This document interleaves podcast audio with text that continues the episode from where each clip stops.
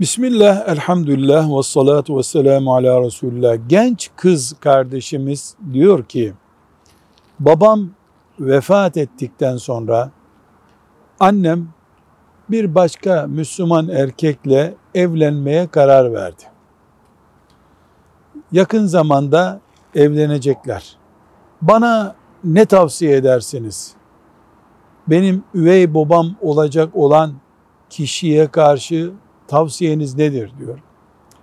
Bu kızımıza diyoruz ki bir kere annen senin varlığını, senin o evde yaşayıp yaşamama arzunu, senin ekonomik ihtiyaçlarını, bütün seninle ilgili özel ayrıntıları nikahtan önce evleneceği yeni kocası ile konuşmalı, imza altına almalıdır. Bu birinci nokta. İkinci nokta, dinimiz kelime-i tevhid altında hepimizi kardeş görüyor.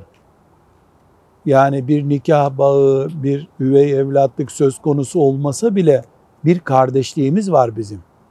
Dolayısıyla senin annenin yeni kocası, üvey babanla iman kardeşliği var. Bunun üstünde bir de annenin kocası olmak gibi bir hukuk var.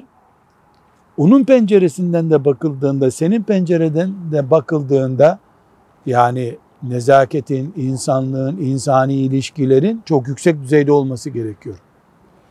Üçüncü olarak da diyoruz ki asıl sizin sorunuz da burada düğümleniyor zaten. Senin velin üvey baban değil annendir.